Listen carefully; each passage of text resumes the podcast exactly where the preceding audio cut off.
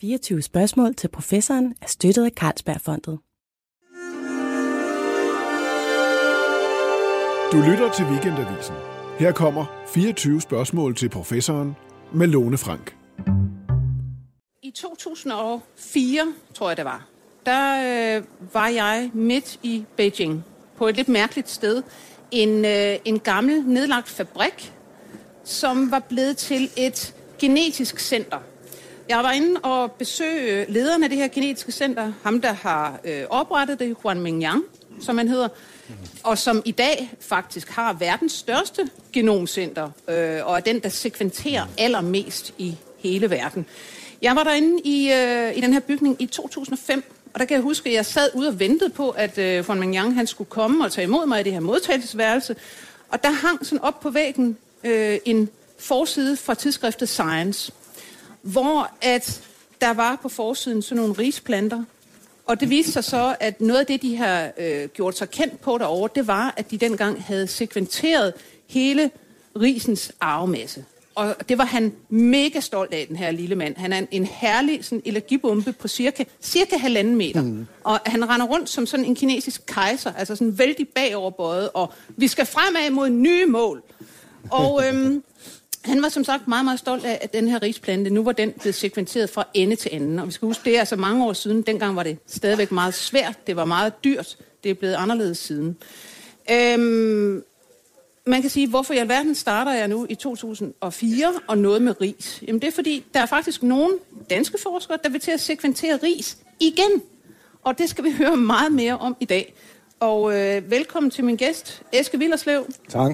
Du er professor ved Center for Geogenetik, og I er lige rykket til et lidt andet fakultet, men I er stadigvæk på Københavns Universitet. Mm-hmm. Tillykke med det til Københavns tak. Universitet.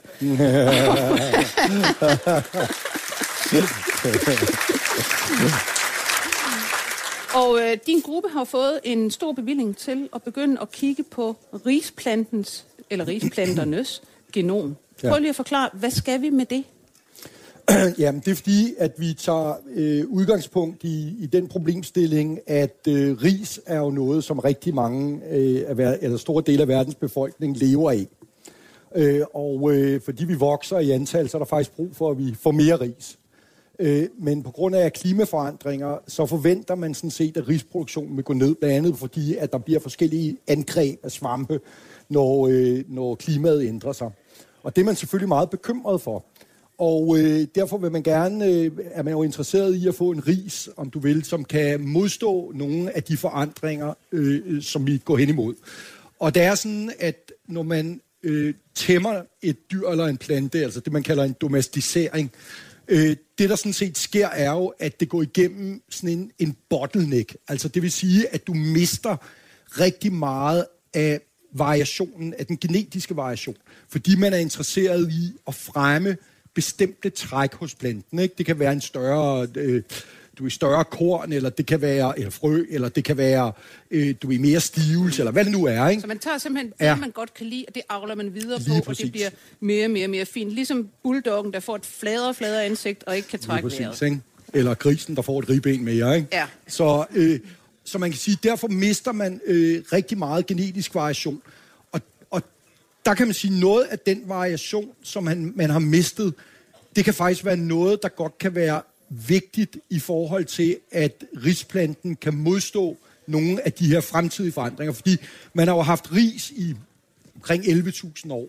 Og det vil sige, at i den periode har der også været forandringer. Der har været klimaforandring, ved også historisk, der har været, øh, hvad kan man sige, øh, svampeudbrud osv. Og det vil sige, at gennem historien har risen selvfølgelig været under det, man kalder positiv og negativ selektion.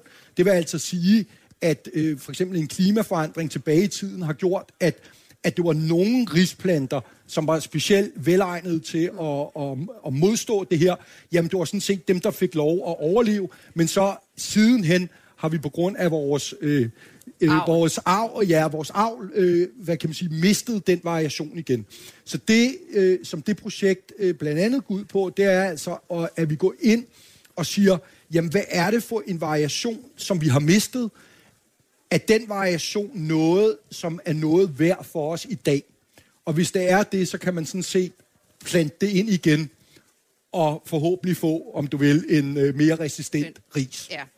Så vil jeg godt høre, er det, er det, øh, ser det ud til at være mest noget, der har med, øh, med svampeangreb at gøre, eller er det også noget med tørke, oversvømmelse, andre, altså direkte klimating. Ved vi overhovedet, hvad er det for noget, Nå, vi skal kigge efter? Altså, det, det ved vi ikke rigtigt, øh, kan man sige. Jo, vi har, vi har en idé om, at svampe er vigtige, fordi det ved mm. vi historisk øh, med svampeangreb og så videre, men det man sådan set gør, altså det er, at man kan gå ind, hvis du har, øh, hvis man forestiller sig, at man har sådan en time slices, altså du har ris, DNA fra forskellige tidspunkter gennem historien, ikke? Ja. helt tilbage fra, til, til starten, om du vil. Så det, man kan gøre, det er, at man kan, man kan, øh, kan man sige, sådan statistisk gå ind og finde de genetiske varianter, som har været under selektion. Og hvis de har været under selektion, så ved du, at så har de haft betydning for det, vi, øh, for det, det, vi kalder øh, fitness. Og fitness, det er altså reproduktion og overlevelse. Dem, der klarer sig. Lige præcis. Ja. Og det vil sige, så kan du jo sådan se, når du, når du ved, øh, hvad kan man sige, hvad er det for nogle varianter, så kan du, så kan du gøre øh, øh, flere ting du, altså nu ved man rigtig meget, blandet på grund af BGI, så ved vi rigtig meget omkring... Altså de her kinesere, ja, de kinesere, du talte alt. om, ikke, som sekventerer ja. alt. Ikke? Man skal sgu ikke komme øh, faldet over, du så har de sekventeret dig. ja. Ikke så, øh, ikke? Men, men øh, altså, så, øh, altså, så kan man sige, så ved man rigtig meget om funktionen af de forskellige dele af rigsgenomet. Så allerede der, mm. så er der en kæmpe gevinst, kan man sige, i at man allerede ved meget. Så det vil sige, i nogle situationer ved vi allerede, jamen, de varianter, vi ser derinde, det har nok noget med et eller andet specielt at gøre. Ikke? Ja. Øh, ellers kan man gøre det, at man går ind og siger, jamen hvad er det, der sker i den her periode? Vi får også, når vi, når vi får øh, DNA'et ud af risen på den måde, det ved jeg ikke, om vi kommer ind på, men vi tager det ud af sedimenter blandt andet. Ja, altså, ja fordi jeg skulle til at spørge, øh, ja. hvordan, hvad er det for, ja. når du siger, øh, vi skal finde øh, ja, ja. rigsplanter tilbage til ja. altså, øh, Ruder Kongens tid, hvad han nu hed i, i Kina og andre steder i Asien. Ikke? Altså, hvad, hvad fanden er det for nogle planter, I går hen ja. og tager? Er der nogle nutidige planter, der sådan er halvvilde og må formodes at have været øh, beslægtet til de gamle, eller er det, som du siger, noget, altså, I graver op af jorden? Ja, altså det, der har været udfordringen øh, tidligere, en af udfordringerne er, at man finder arkeologisk riskorn. Mm-hmm. Så det kunne man sige, det kunne være en måde at få noget gammelt øh, DNA ud fra. Men i mange tilfælde, ikke i alle tilfælde, i mange tilfælde, så er de brændte. Altså, de er, øh, kan man sige, de er forarbejdet, om man vil, begyndelsen. Og det er altså noget skidt for DNA-overlevelsen. Ja. Så det, vi øh, har tænkt os i stedet, og som vi er i gang med nu, det er, at vi går til de steder, øh, blandt andet i Kina, nu også i Indien, Øh, hvor at vi ved, at der arkeologisk set, baseret på arkeologi, ved vi, her har folk dyrket ris tilbage i tiden. Og så finder vi nogle søer, som helst skal være sm- relativt små og meget dybe, og så øh, bruger vi øh, sådan set søsediment op af de her søer. Og hvis de ikke har været forstyrret, øh, ved at der er alle mulige, der går rundt og, og trum, trampet for meget i dem eller et eller andet, så øh, ligger, har sø, søsedimenter den fordel, at der ligger en meget, meget fin øh, kronologi, altså ned, så man kan sådan se, tage lag for lag for lag, og så kan du datere dem, og så kan du finde ud af, hvor er jeg i tid, og så hiver vi simpelthen DNA'et ud af søsedimenterne, det er risen, som er blæst ind eller sædet ned, og så kan vi segmentere det. Og så kan vi gå ind på den måde og få en, øh, en time Altså øh, hen over tid, ikke? Øh, forskellige øh, informationer. Det tænker jeg umiddelbart, når I tager noget ud af et sediment, der har ligget alle mulige planter, ikke ja. bare ris. Ja. Og I, I kender selvfølgelig øh, risens DNA fra det, vi har i dag.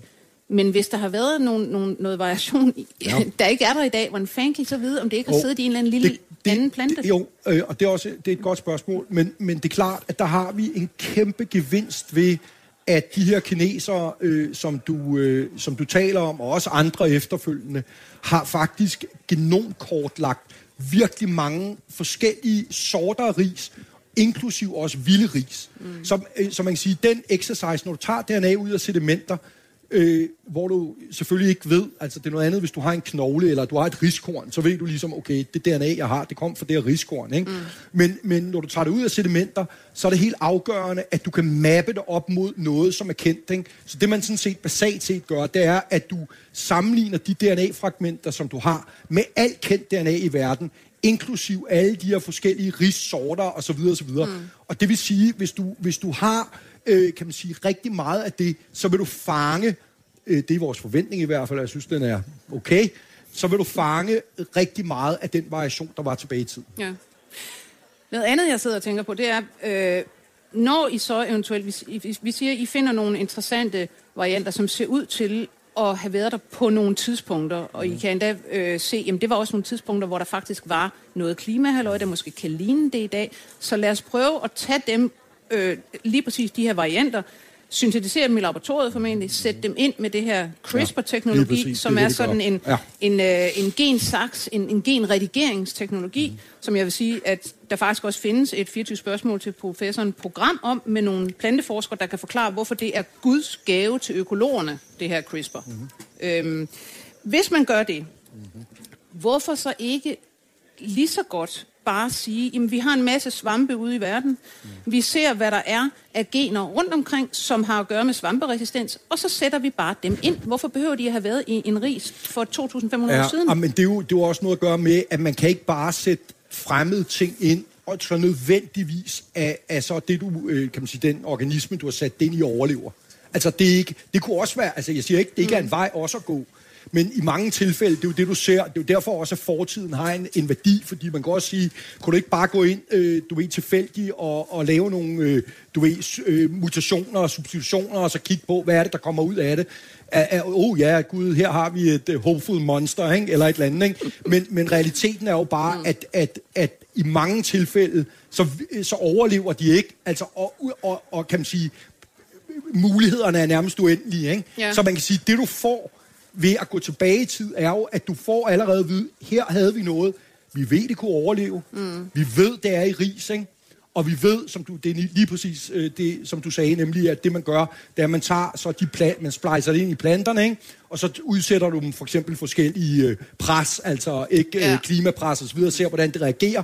Og så ved du sådan set, jamen der er en meget stor sandsynlighed for, at det her vil virke. Ja lad os gå videre fra risen, fordi ja. man kan sige, altså det, hele dit center er bygget op omkring, og man kan sige også hele din karriere, det er jo det, du startede med at finde ud af for mange, mange år siden. Hvordan kan vi få fat i det, man kalder ancient DNA? Mm. Altså, hvordan kan man tage øh, gammelt DNA fra hvad som helst, sekventere det, analysere det i forhold til, hvilke biologiske spørgsmål man nu er interesseret i. Og det kan være ris, det kan være alt muligt andet.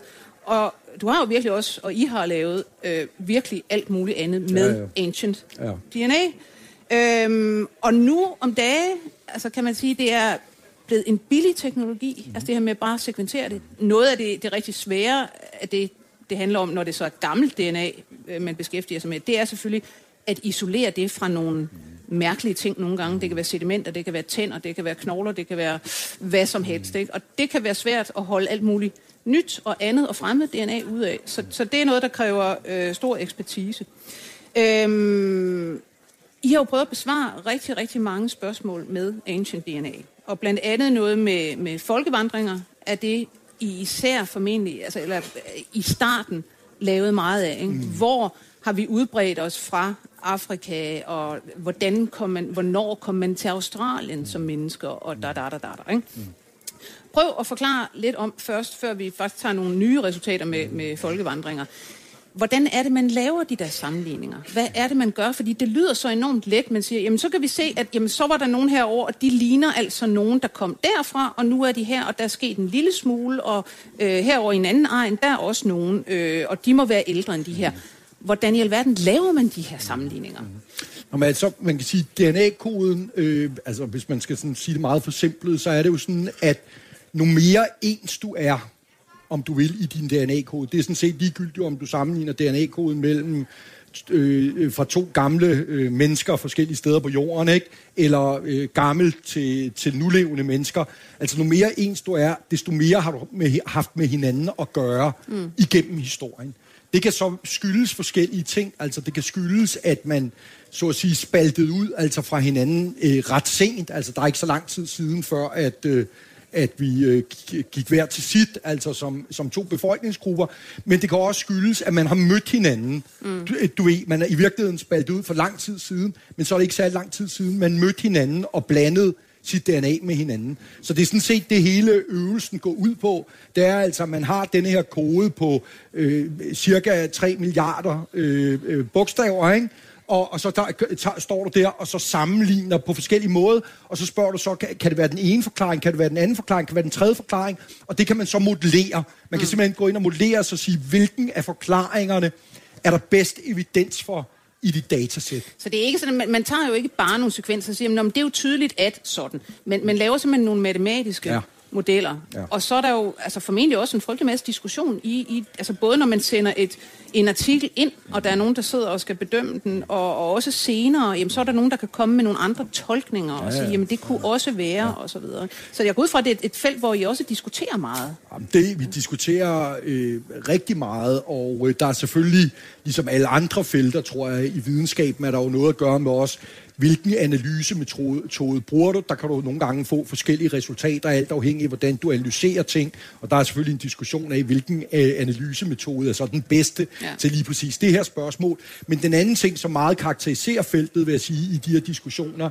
me, mere måske end analysemetoderne, det er i virkeligheden, at fordi at vi stadigvæk mangler at kortlægge dernede for rigtig mange øh, mennesker tilbage i tiden, så det, at man får ny data, altså at man får nye øh, genomer, altså arvemateriale for nye skeletter, kan faktisk gå ind og ændre historien. Ja. Altså, så vi er stadigvæk der, om du vil, hvor at mm. man ikke har kortlagt nok til, at vi i hvert fald, og især når man går ret langt tilbage i tiden, altså hvor der er relativt få skeletter, der kan altså et nyt arvemasse kan faktisk gå ind og rykke mm. ved konklusionerne.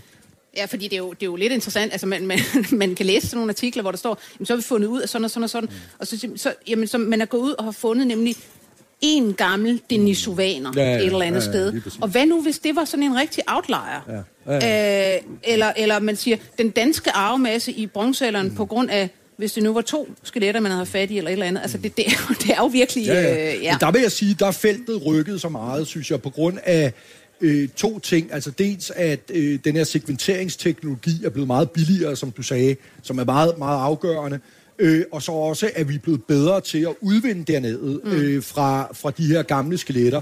Så i dag, altså da jeg startede, vi lavede det første genom fra et fortidsmenneske tilbage i 2010, og det var sådan et enkelt genom, ikke? Og det ja. kørte så nogle år, hvor det var sådan enkelte, hvor man så prøvede at få tolk på det. Altså vores studier i dag er jo sådan noget 200-300 Ja. Øh, mange, altså hvis du kan i de perioder, historiske perioder, de geografiske områder i verden, hvor der er nok af mm. materiale, mm. ikke? Ja. Altså, og det er typisk fra, vil jeg sige, øh, det starter der, hvor der begynder at komme rigtig meget materiale, det er fra bronzealderen og op efter, ja. ikke? Så over de sidste 5.000 år, altså der er det jo kæmpe datasæt, altså i forhold til, hvor vi startede henne, ja.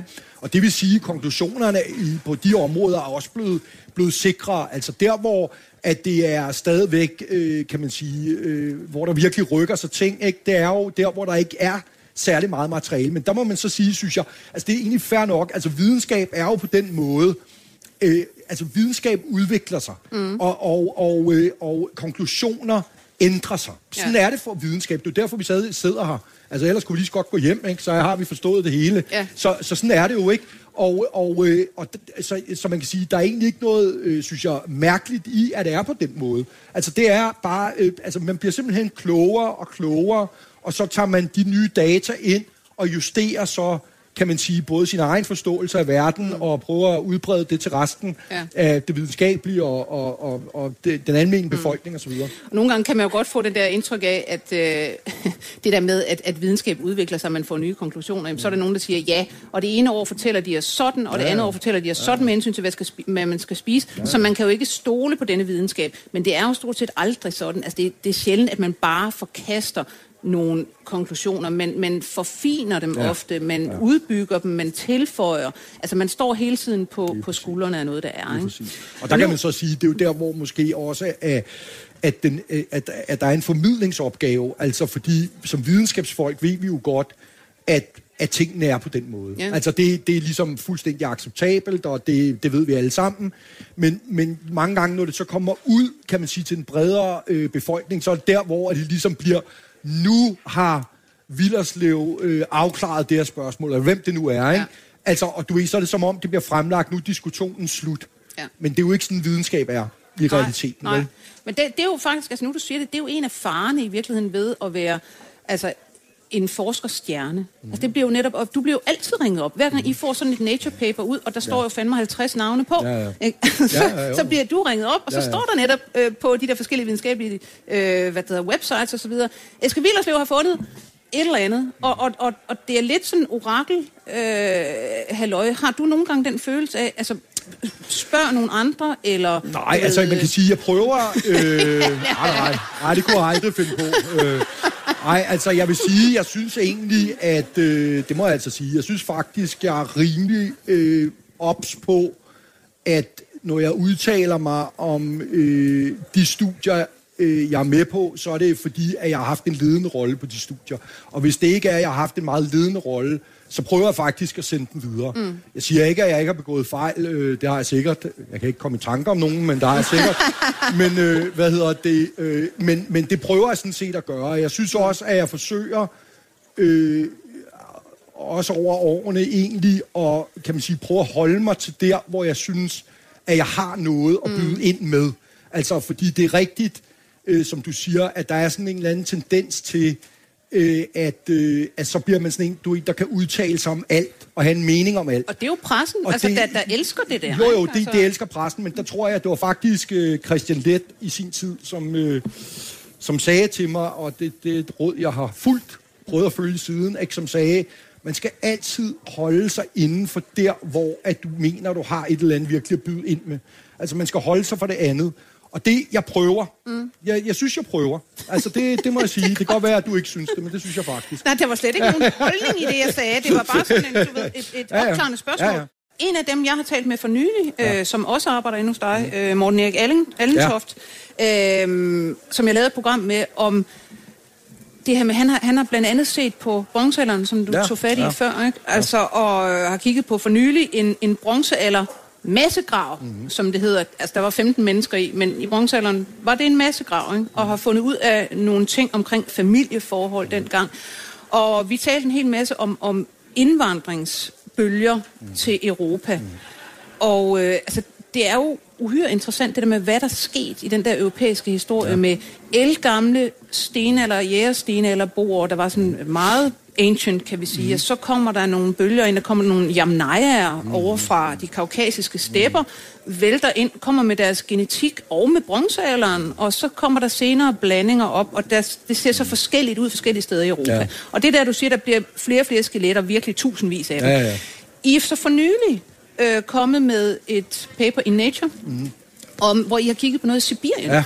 Prøv lige at forklare om den, for det er også ret interessant. Det er Ja. også noget med bølger ja. af indvandring og ting, altså, som man ikke øh, havde Det var et af de, altså med, med det nordøstlige Sibirien er jo et af de steder, hvor at der har været meget, meget lille viden øh, om, hvad det er, der er foregået, og det er et sted, som der har været og er stor interesse for, fordi øh, blandt andet fordi, at det, man mener, det er indvandringen til Amerika, der kommer derfra, ikke? Og amer- amerikanerne har jo, altså, de er meget amerikanicentriske, og de har mange penge, så alle skal, alle skal med Amerika, men det gør ikke noget for mig, jeg kan godt lide det.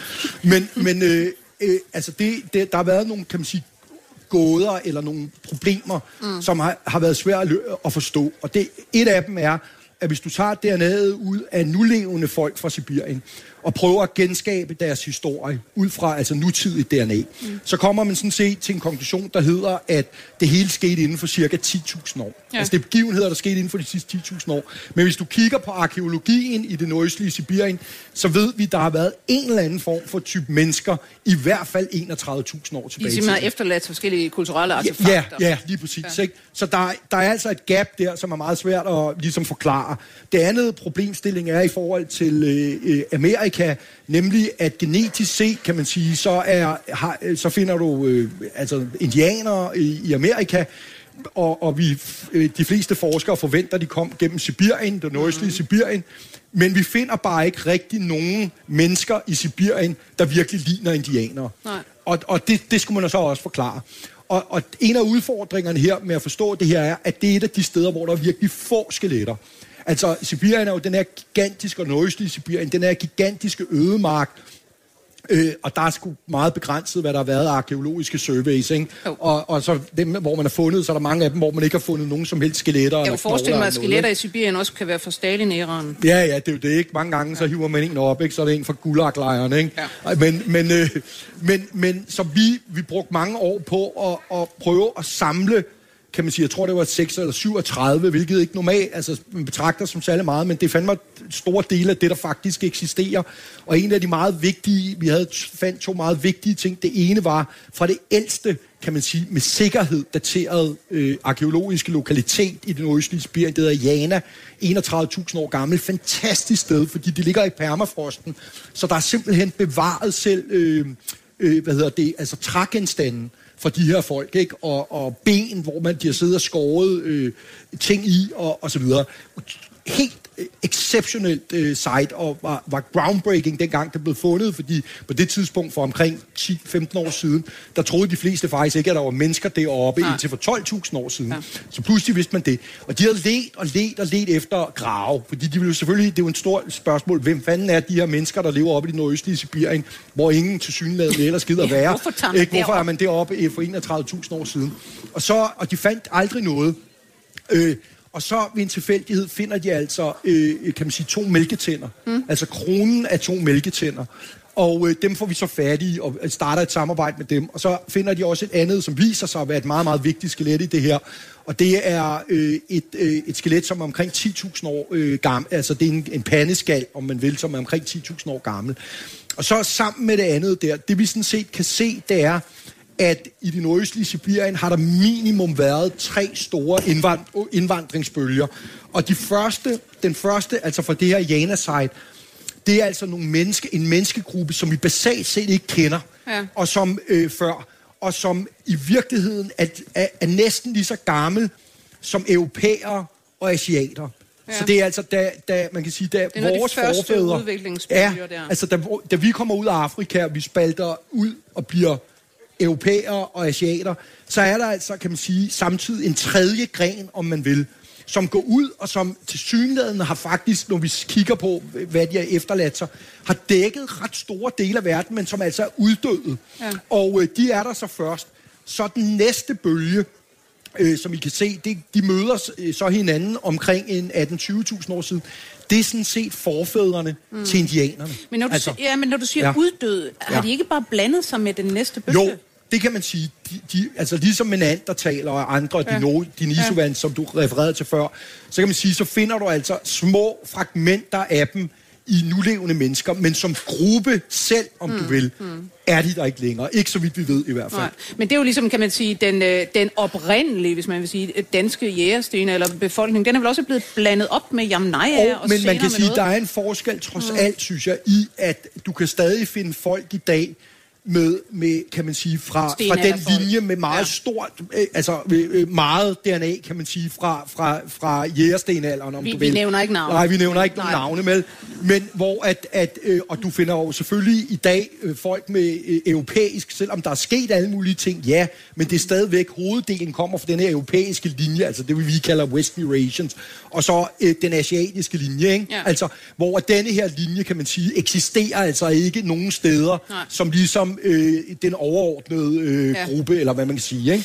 Når du ser ud i, i verden øh, nu, er der nogle steder, hvor du tænker, det kunne jeg virkelig godt tænke mig, og, altså der er nogle steder i, hvad skal man sige, i historien og i geografien, mm. hvor jeg godt kunne tænke mig at få noget mere at vide ja. om, hvem der var, ja. hvem der kom ind over, hvad der skete. Ja. Hvad for nogle øh, spørgsmål stiller Altså, ja, det er der. Øh, der er altså hele Afrika, mm. som jo altså er vores vugge, menneskets vugge, ikke? Og hvor at der har været moderne mennesker, altså vores egen art, i hvert fald i 300.000 år, der ved vi ekstremt lidt. Mm. Altså om, hvad der er, der foregår. Og det er jo en, en meget, meget dyb historie i forhold til øh, uden for Afrika. Ja. Og det er der, hvor vi finder langt, langt størst delen af den menneskelige mangfold, genetiske mangfoldighed. Så er det sindssygt vigtigt af alle mulige grunde at, at, at forstå, hvad der er, der sker i Afrika. Så det er et af de steder, hvor der helt sikkert mangler rigtig meget. Men altså, der er faktisk, jeg må sige, altså vi er stadig ikke et sted, hvor vi kan sige, at vi virkelig har forstået det hele, ikke engang uden for Afrika. Nej. Altså, der er, ja, med den speed, der er nu, så tror jeg, at vi har forstået de fleste større spørgsmål, i hvert fald for det moderne menneske, altså, mm. tror jeg, at vi har forstået måske 10 år fra nu, ikke? Ja. I, den, I den retning. Men der er altså rimelig langt. Der er altså noget vej endnu. Med hensyn til Afrika, tænker jeg nogle gange på, har vi noget billede af, de etniske grupper, de rigtig mange etniske ja, grupper, som, ja. som både ser meget forskellige ud, og ja. som altså har øh, ja. meget forskellige DNA alt i alt. Mm. Hvem er, er der nogen af dem, man kan sige, de, de er tættest på den oprindelige ja. øh, menneskeform? Ja. Altså, jeg vil ja. umiddelbart gætte på sådan sandfolk. Ja, men det er heller ikke helt forkert. Nej. Altså, det, altså buskmænd, når mm. man vil, er jo, øh, er jo, øh, kan man sige, den levende befolkningsgruppe. Altså dem, der er levende, øh, ja. som er blevet gen, gen, genetisk, altså genomisk kortlagt, som er, øh, om du vil, den mest oprindelige, altså den tidligste øh, gren, om du vil, mm. øh, på, på mennesketræet, af dem, vi kender til i dag. Ikke? Estimaterne varierer lidt, ikke? Men, men der er jo nogle estimater, der går helt tilbage til måske sådan noget 100-120.000 år. Ikke? Altså, ja. øh, det varierer lidt med, hvad, hvad folk øh, kommer med. Ikke? Så det er altså en rimelig, kan man sige, øh, rimelig tidlig gren. Ikke? Ja. Øh, og, og, øh, men hvordan relationen er mellem for eksempel bare, altså det, mellem, lad os sige, ja, altså de her samlere, ja. altså og indtil historisk tid i hvert fald, ja. øh, de her buskmænd, og, øh, og hvordan relationen er mellem de forskellige uh, samlergrupper i Afrika. Altså er det sådan, at de egentlig alle sammen udgjorde sådan et lag, eller mm. er det noget, der er, ikke har en kæft med hinanden at gøre? Altså, yeah. det har vi en utrolig dårlig forståelse af, og det er der, hvor at det, kan man sige, det gamle DNA kommer til at blive meget afgørende. Der står man så over for den problemstilling i Afrika. Altså i Sydafrika er det ret godt, og vi har faktisk et studie i gang, og der er også andre, der har studier i gang der, på at forstå Sydafrika.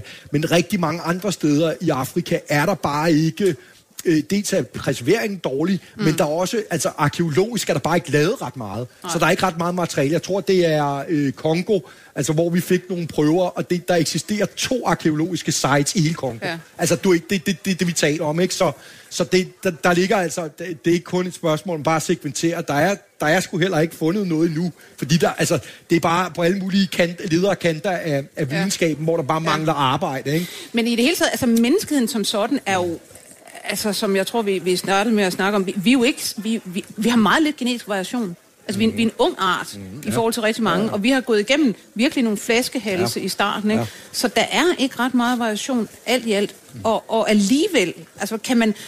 Hvor, hvor forskellig er, hvis man skal forklare, hvor forskellig er du og jeg fra, øh, lad os sige, en øh, pygmæ i Kongo? Genetisk. Ja, altså jeg ved faktisk ikke, jeg kan ikke huske, hvis jeg skulle sætte et, et procenttal på, men jeg vil sige det på den måde, man kan sige det på en anden måde, at en pygmæ i, øh, i Sydafrika, altså en, en, en buskmand i Afrika, er næsten genetisk set lige så forskellig, næsten, ikke helt, mm-hmm. men næsten lige så forskellig øh, fra, lad os sige, en europæer eller en asiater, som Denisovan, som du talte om før, er fra en taler. Ja. Det er næsten, det er ikke meget langt fra i hvert fald. Nej, nej. Så det vil sige, der er altså nogen forskel, ikke? Og ja. det er jo altså, hvis vi taler om en, en uh, udspaltning for øh, 100.000 år siden, så er der jo altså, der, der er jo noget evolutionær ja. tid at gøre godt med der. Men selvom man kan sige, det er også meget sjovt, øh, at, at ja, der, der er lille forholdsvis i forhold til mange andre arter, mm. er, der, er der en ret lille genetisk variation. Men som du selv siger, altså der er faktisk de der store etniske forskelle, som man plejede i gamle dage at tale om raceforskelle. Mm. Nu må vi sige, det, ja, vi kalder dem etniske forskelle, mm. men de er jo faktisk altså, betydningsfulde ja. i medicinsk sammenhæng. Ja og på anden måde. Ja. Altså, der er forskellige grupper ja. genetisk. Det er ikke ja. bare på overfladen, ja. man ser forskellige ud. Ja.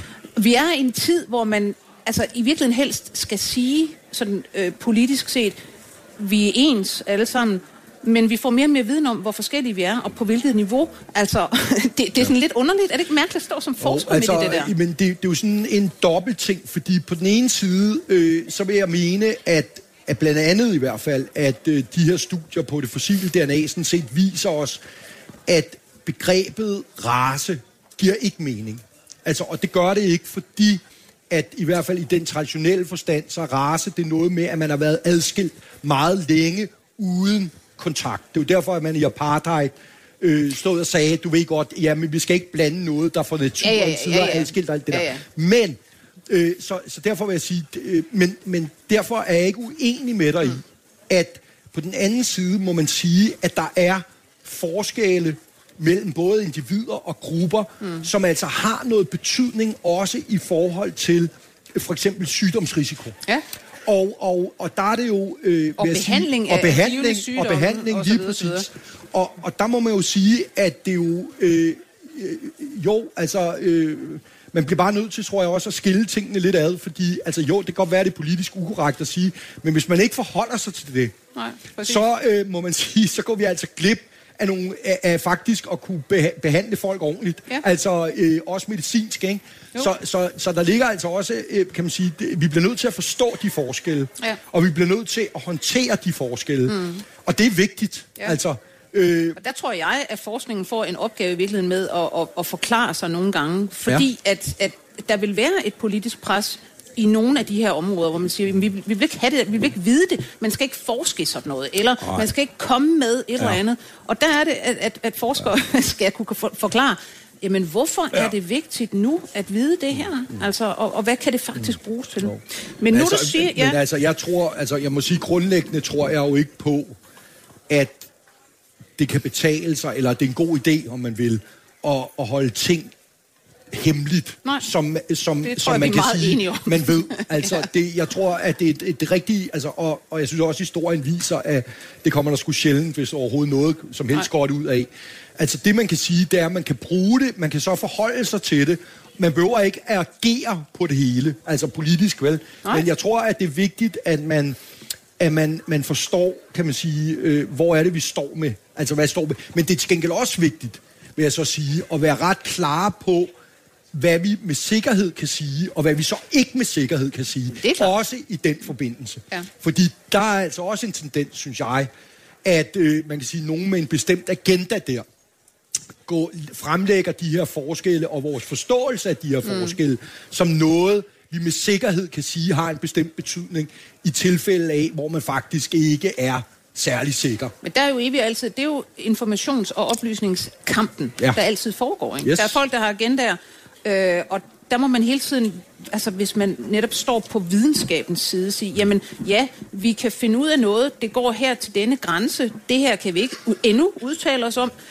og, og så må man jo ligesom, altså debatten om, om, hvad man skal bruge det til, må foregå i en bredere kreds. Ikke? Ja. Altså, Jeg er enig. Jeg synes også bare lige, jeg vil lige nævne bare, så er det også med, altså at alle de forskelle, vi taler om mellem forskellige grupper, er jo ikke kun et spørgsmål om, hvornår spaltet de ud fra hinanden. Det er også et spørgsmål om, hvem møder hinanden, men det er også et spørgsmål om tilpasning mm-hmm. til forskellige miljøer. Ja. Det skaber jo altså også forskel, ikke? Så hvis folk lever i forskellige miljøer, så får de altså en tiladaptation, om man vil, ikke? Øh, også genetisk set, til nogle bestemte forhold, som jo selvfølgelig også kan være ekstremt givlige at kende. Ja. Ikke? Øh, Men nu du sagde før sygdomme, mm. så synes jeg egentlig, at, at vi, skal, vi skal snakke om et meget interessant sygdomsprojekt, mm. I også har gang i. Ja. Som jo handler om at kigge på, jamen, gener, genetiske varianter, der har noget med øh, det, vi i dag kalder psykiske sygdomme at gøre. Hvordan ser de egentlig ud i forhold til, altså hvis vi går langt tilbage i tiden? Vi snakker både om altså ADHD, depression, skizofreni, bipolar, hvad vi nu kan kalde det i dag. Øh, har, man, har man haft, man kan jo spørge, har man haft den slags i stenalderen? Ja, det har man sgu nok på en eller anden måde. Det kan godt være, det har, fået et lidt, har haft et lidt andet udtryk, end det har i dag. Men, øh, men I vil i hvert fald kigge på det genetisk. Mm. Og, og, og hvorfor det tilbage i tiden? Altså vi snakker om 5.000 skeletter, mm. I skal kigge på, som, hvor altså, det, det strækker sig stort set fra, fra nu og så 10.000 år mm. tilbage. Hvad, hvad regner I med at få ud af det? Hvad kan man med det? Altså, det, jamen, det er jo at forstå, prøve at forstå basalt set, hvor kommer de genetiske varianter fra, som vi ved af andre grunde, altså fra anden forskning, blandt andet på levende danskere, ikke? det Ja. Værges øh, øh, folk og så videre, Ja, Thomas Werge, som står er, for det, øh, ja. og som også er en del af det her projekt. Altså, øh, der ved vi jo, at der er genetiske varianter, som øh, kan man sige, giver en øget risiko for nogen, om man vil, for nogle af de her sygdomme. Og altså evolutionært set, altså er det jo lidt af et paradoks, synes jeg. Mm-hmm. Altså du ved, at du på den ene side har noget, som vi i hvert fald i vores øh, måde, i vores liv, i den måde, vi lever på i dag, Ja. øh, hvor vi betragter det som, gud, det, hvad fanden, hvorfor fanden, øh, altså, der, der lever rundt, folk rundt med de her varianter, hvorfor er de ikke blevet selekteret væk? Altså, hvor, hvor, hvorfor er de der stadig? Ikke? Mm. Hvorfor er de ikke væk? Øh, og det kan man sige, en måde at, at angribe det her på, er jo ved at sige, jamen hvor kommer de fra? Hvordan har de set ud tilbage i tiden? Har der været positiv selektion for noget af det? Har der været negativ selektion Jeg vil for sige, noget at, af at, det? at den er positiv selektion, Ja. at der generation efter generation faktisk bliver mere af det. Jo. Ja, lige præcis. Ja. Ikke? Altså, at det sådan set har haft altså, en, en positiv indvirkning på antallet af børn og overlevelsen af de her børn. Øh, øh, hvad hedder det? Øh, at det øh, øh, øh, også at sammenligne det med, det er også noget af det, vi gør. Vi, samtidig tager vi alle de blodborne patogener, altså virus og bakterier ud, blandt andet pest og så videre, øh, og, og kortlægger de epidemier, der har været, ikke? Og Kan det linkes? Kan, er, er det sådan, at det bare har surfet med? Altså, mm, er, det, er det i virkeligheden øh, altså nogle andre varianter, som har været de væsentlige, og så har de her bare ligesom fulgt med? Ja. Eller øh, har de deres egen betydning, ikke? Og, øh, øh, og der kan man sige, der, der tror vi på, nu må vi jo se, om det holder vand, men. Ja. altså vi tror på, at vi kan få noget basal information om, øh, kan man sige, de her sygdomme og de her varianter ved at gå tilbage i tiden og forstå deres historie, mm. altså evolutionære historie. Men er det egentlig, altså når du siger varianter, mm. man har jo i et stykke tid altså øh, kigget på enkelte varianter. Mm. Man siger, jamen denne her lille variant XYZ, mm. den har ser ud til at have noget at gøre med for eksempel en disposition for ADHD. Ja, ja, ja, Den kan forklare 0,1 procent Ja, ja, ja, ja, af, du ved, variationen i befolkningen, som man siger. Men efterhånden er man jo gået væk fra, man bruger faktisk næsten ikke enkelte varianter længere. Man bruger det, der hedder polygene risikoscore, hvor man egentlig lægger en helvedes masse, altså tusindvis, titusindvis af varianter sammen for ja. nogle individer, og så ja. ser man egentlig på, hvor på en kurve ligger man i hen, med hensyn ja. til risiko for et eller andet. Så det er ikke så, altså det, det er sådan lidt øhm, en lidt underlig størrelse, de ja. der øh, hvad hedder, risikoscore, men, ja. men det er sådan en, en hvad skal man sige, en, en øh, matematisk størrelse, ja. Ja. Som, som man altså kan se på i, i store populationer og med, med masser af data. Ja. Ikke? Øhm, og så, så går I så ind og går ud fra at bruge de her Ja. øh, på forskellige skeletter. Det er planen i hvert fald. Ja. ja. Men, men det er jo, altså hvi- hvis man, hvis man tænker lidt over, der er jo tænkt en del over det der med, hvis vi siger for eksempel ADHD, eller vi kan sige autisme, eller vi kan sige noget andet, skizofreni for den sags skyld, ja. at ja, der er i, i altså befolkningen rundt omkring i verden ser det ud til at være nogenlunde samme risiko, for eksempel for skizofreni omkring en procent, ikke? Øh, og man kan også se, altså det bliver ved med at være i, i familier, og man kan i nogen grad koble for eksempel øhm, altså autisme i familier til også en tendens til høj IQ, Ja, ja, for eksempel. ja, ikke? Altså, Og der er forskellige ting, man har talt meget om, at man kan se inden for kunstneriske erhverv, altså øh, specielt forfattere, de er bipolare alle sammen, mm. ikke? Altså, ja, ja, ja, ja. nogle andre kunstnere, der har ja. nogle andre ting, ikke? Mm. Og så kan man se i deres familier, ja, der er også en rigtig høj forekomst af sådan, øh, hvad skal man sige, kreativ tænkning og så videre. Så, så allerede der har man vel også en, en, øh, en eller anden form for et fingerpeg om, ja, det er noget, der, der giver noget på nogle andre områder, det her. Det er måske bare, jamen, hvis du får for mange af de her varianter, der, der presser dig i en retning af et eller andet, jamen, så får du autisme. Hvis du har lidt færre, så har du måske en høj IQ, og hvad ved jeg. Altså, har I også nogle, nogle ting, I allerede kigger på? på den måde? Altså, man kan sige, det, det har du fuldstændig ret i, men, men hvis, du, hvis du lige ser på, hvad du selv sagde, så kan man sige, så er det sådan, vi antager, det er. Ja, ja. Og det er jo, altså, der er en ret, altså for mig er der en ret stor, som videnskabsmand, forskel i, og man siger, jo, men vi ser de her sammenhænge, derfor tror vi, at det er sådan. Klart. Og her har vi så muligheden, kan man sige, for, fordi der er også nogen, der tror noget andet. Mm. Altså, der er også nogen, der siger, der, altså, jeg har set alle mulige øh, forskellige, mere eller mindre, øh, kan man sige, overbevisende argumenter Ja. for det her, ikke? Altså, der er også nogen, der mener, at det faktisk er et resultat af nogle af epidemierne. Altså, mm-hmm. og det er et tryk på immunsystemet, for eksempel, ikke? Som fører nogle af de her ting med sig. Så det vil sige, der er altså forskellige hypoteser. Der har også været sådan nogle, du ved, under epidemierne, så de, de depressive, øh, de varianter overlever, fordi de lå derhjemme. lå derhjemme, ja. ikke? Og blev ikke gå kom ikke i kontakt med andre, og blev ikke smittet. ikke? Eller du ved, shamanen, det var den skizofrene, og ja, altså der var alt Ja. muligt, ikke? Ja. Så, så, så man kan sige, det, altså det som man kan håbe på i hvert fald, det er jo, at man kan begynde og, og ligesom sige, øh, tage skidt for kanel, altså. Mm. Og så sige, jamen, altså, hvad er det her er rigtigt, og, og, og hvad er det her er det smider vi, øh, smider vi til hjørnet, ikke? Mm. Og, det jo, altså, og det synes jeg har en værdi, altså, fordi det har en værdi i forhold til, altså jeg tror på helt basalt set, at hvis du skal også kunne behandle sygdommen korrekt, Ja. altså godt, så skal man også forstå, hvorfor de er der, Og, og, hvad de kommer fra. Sygdomsmekanismerne i de her sygdomme, de er jo meget ringe forstået. Ja. Altså, jeg har, mødt, jeg har mødt psykiater, der, altså du ved, 90-årige mænd, der var med for, for 50 år siden, som siger, ja, der er jo desværre ikke sket noget, ja, ja, ja, stort set. Ja, ja, ja. Altså, det, ja, ja. det kan man så diskutere, ikke? Men, altså, Ja, ja. men det er jo virkelig, det er jo et ekstremt vanskeligt område. Det er det, og der, er- altså, det er jo ikke helt forkert, tror jeg, altså uden det er mit speciale, men når jeg taler med mine kollegaer, som er inden for det her område, så er der jo ikke sket ret meget. Altså sammenlignet med Altså mange andre... Ja, altså ja. i sygdomsforståelse, sammenlignet med mange andre områder i hvert fald. Ja. Og det er jo simpelthen, det er jo et kæmpe... Altså der er jo virkelig mange mennesker, mm. som, øh, kan man sige, øh, bliver behandlet Ja. for det på en eller anden måde. Ikke? Så det er jo ikke et uvæsentligt øh, spørgsmål, og som øh, Thomas Værge plejer at sige til mig, det rører ved hele fundamentet af, af det, altså hvis det er svære sygdomme, nogle af de her, altså hvor mm. det er meget svære, så rører det jo hele fundamentet af det at være menneske, ikke? Så det er jo ikke uvæsentligt. Altså, og derfor øh, kan man sige, der er en større fokus på det i dag, og det er der så også øh, øh, fra vores side. Og man kan sige, det datasæt, vi genererer, det synes jeg også er værd at nævne. Altså nu er vi så specielt interesseret i de her øh, psykiatriske sygdomme, men det her datasæt, øh, som jo bliver øh, på, øh, altså tilgængeligt for alle, øh, der er interesseret i det, altså det kan du jo bruge til at kigge basalt set på, alle sygdomme, Ja. som, hvor at der er genetisk, kendte genetiske komponenter. Mm. Ja, sågar kan du gå ind potentielt og finde nye komponenter ved at sige, hvilke varianter har været under selektion. Fordi hvis de har været under selektion, så er det næsten sikkert, at de har en eller anden form for medicinsk betydning. Ja. Altså, fordi så er det noget med fitness at gøre. Ikke? overlevelse, Og og- overlevelse, ja. ikke? Så man kan sige, at vi håber jo også på, at vi øh, kan man sige, kreerer en ressource til videnskaben, som alle andre også kan gå ind og mine, altså om man vil, mm. og, og, og, og lære noget af. Ja.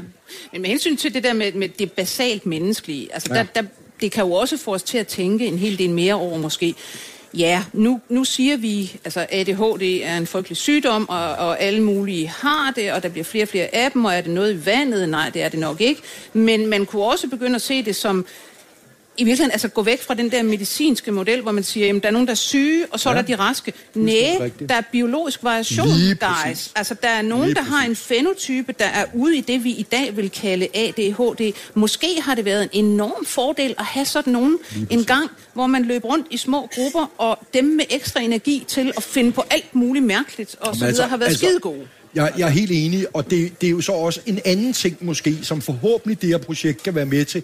Det er måske det, man må kalde afstigmatisering mm. af nogle af de her ting. Ikke? Fordi nu får vi se, hvad det kommer til at vise. Ja. Altså, det kommer til at tage nogle, øh, nogle år at generere hele dataet, men, men, men altså, personligt må jeg indrømme, altså, når, når man hører om, at du er unge mænd, mm. øh, de skal have, altså du ved, dem ved forsikringsselskaberne, de koster kassen og, og tegne en forsikring, for det er dem, der kører for hurtige biler, ja.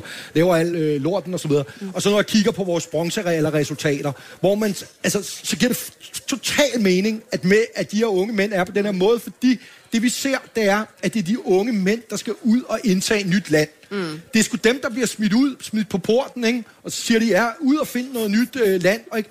Altså, hvis du ikke er risikovillig der, så Ja. har du altså et problem. Ikke? Og man kan så, jo så altså, sige, at i dag, der skal du sidde på din røv i skolen, og du må endelig ikke gøre noget nyt og anderledes, Lige fordi præcis. jamen, det kan vi ikke have Lige her. præcis. Ikke? Og det er jo så også det, der er det interessante, synes jeg, i det her studie. Det er jo, at, det, at de her genotyper, om du vil, mm. som, altså, som vi i dag lige nu kigger på som et, et øh, kan man sige, en sygdom, basalt Ja. set, Ja.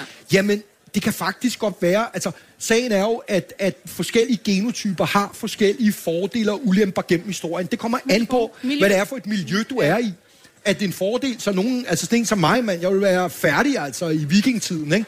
Så, så man kan sige, det, altså så på den måde kan det forhåbentlig også være med til, at vi får et lidt andet billede, som du mm. siger, af hvad er egentlig sygelighed, og hvad er ikke sygelighed. Ja. Hvad er bare variation, ikke? Ja. Og hvad er det måske, øh, kan man sige, betaler øh, nogle mennesker en pris i dag for, at vi øh, kunne indtage øh, England i vikingetiden, altså, øh, Ja, ja. hvis du står, jeg mener, ikke? Jo. Så, så, så, altså, så det er også det, jeg håber potentielt kunne komme ja. ud af noget af det her. Men det er også skide interessant at tænke på, at, at hvad skal man sige, et eller andet, en befolkning et eller andet sted, bærer også i virkeligheden nogle psykologiske mærker af deres fortid. altså gør hvis man ja, for eksempel ser på øh, altså personlighedstyper og, og, og, og varianter, som man før har set, jamen det, har, det, det kan forklare noget af den her variation med hensyn til depression osv. Så, videre. så ser man faktisk en meget forskellig udbredelse i øh, det, man kalder individualistiske kulturer, altså det vil sige den vestlige, øh, hvad det hedder, øh, europæiske, amerikanske, og så den asiatiske, hvor man kan sige,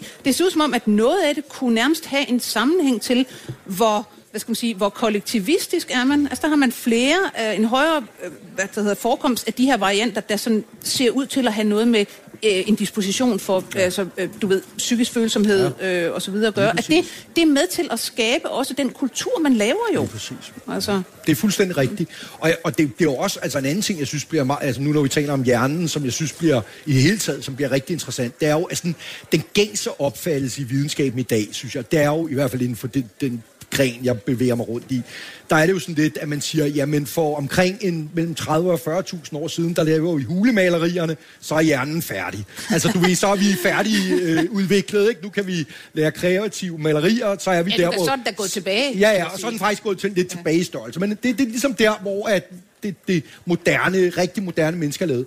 Og jeg må indrømme, jeg sætter altså spørgsmålstegn ved den, øh, hvad kan man sige, den idé, fordi det er i virkeligheden gennem de sidste 10.000 år, mm. hvor vi har haft enorme forandringer i vores miljø. Og hvad også, hvilke krav der er til, ja. hvad, er, hvad er et succesfuldt menneske. Ikke? Det er jo ikke det samme, efter min opfattelse, at være jeres samler og løbe rundt og kunne øh, nedlægge en mammut med bare næver eller et eller andet, og så være en succesfuld bondemand, hvor du kan stå Nej. med hængevom ikke? men bare du tænker dig om, hvordan du, øh, øh, kan man sige, øh, håndterer høsten.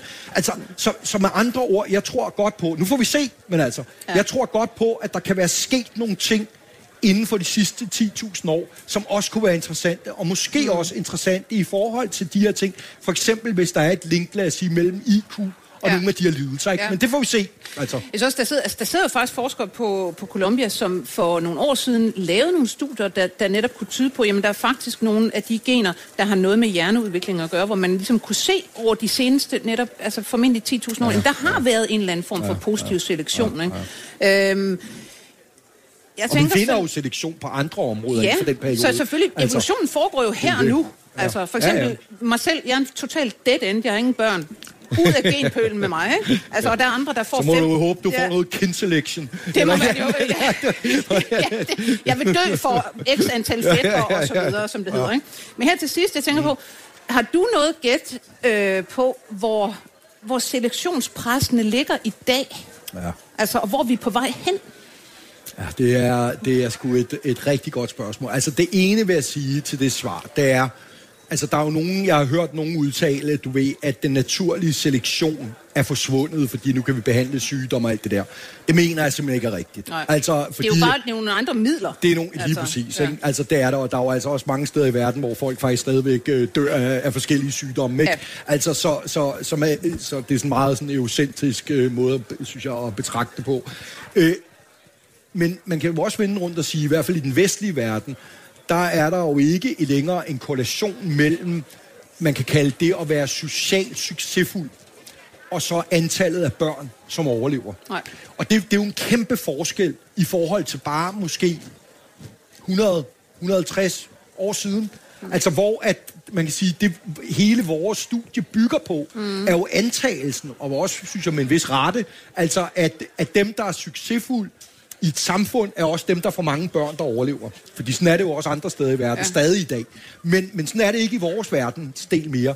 Så man kan sige, der, øh, øh, hvad kan man sige, der sker jo så en, øh, der, allerede der er der sket en ændring. Den anden ting, som sker, det er jo, at vi selvom øh, jeg altid siger, at vi har vandret over det hele og blandet os med hinanden osv., osv., som vi talte om, så må man sige, det, det er jo så lidt i forhold til, hvad der sker i dag. Ja. Så der er jo en kæmpe mekanisme der, hvor at man kan sige, at man får opblandet altså forskellige populationer med hinanden, som man ikke havde før. Og det tror jeg, altså resultatet af det, tror jeg måske vil være noget af det rigtig vigtige, og det kommer efter min mening til, min forudsigelse vil være, at det kommer til at skabe øget genetisk variation. Og Men... det er godt for evolutionen. Ja. Som, en, uh, som, en, som en populationsgenetiker, jeg mødte for mange år siden, sagde til mig, alle burde i virkeligheden gifte sig med en nigerianer. Lige præcis. Så, uh, så, således ja. opmuntret vil jeg sige tusind tak, Eske Villerslev. Ja, selv tak. Professor på ja. Institut for Geogenetik. Tak. 24 spørgsmål til professoren er støttet af Carlsbergfondet.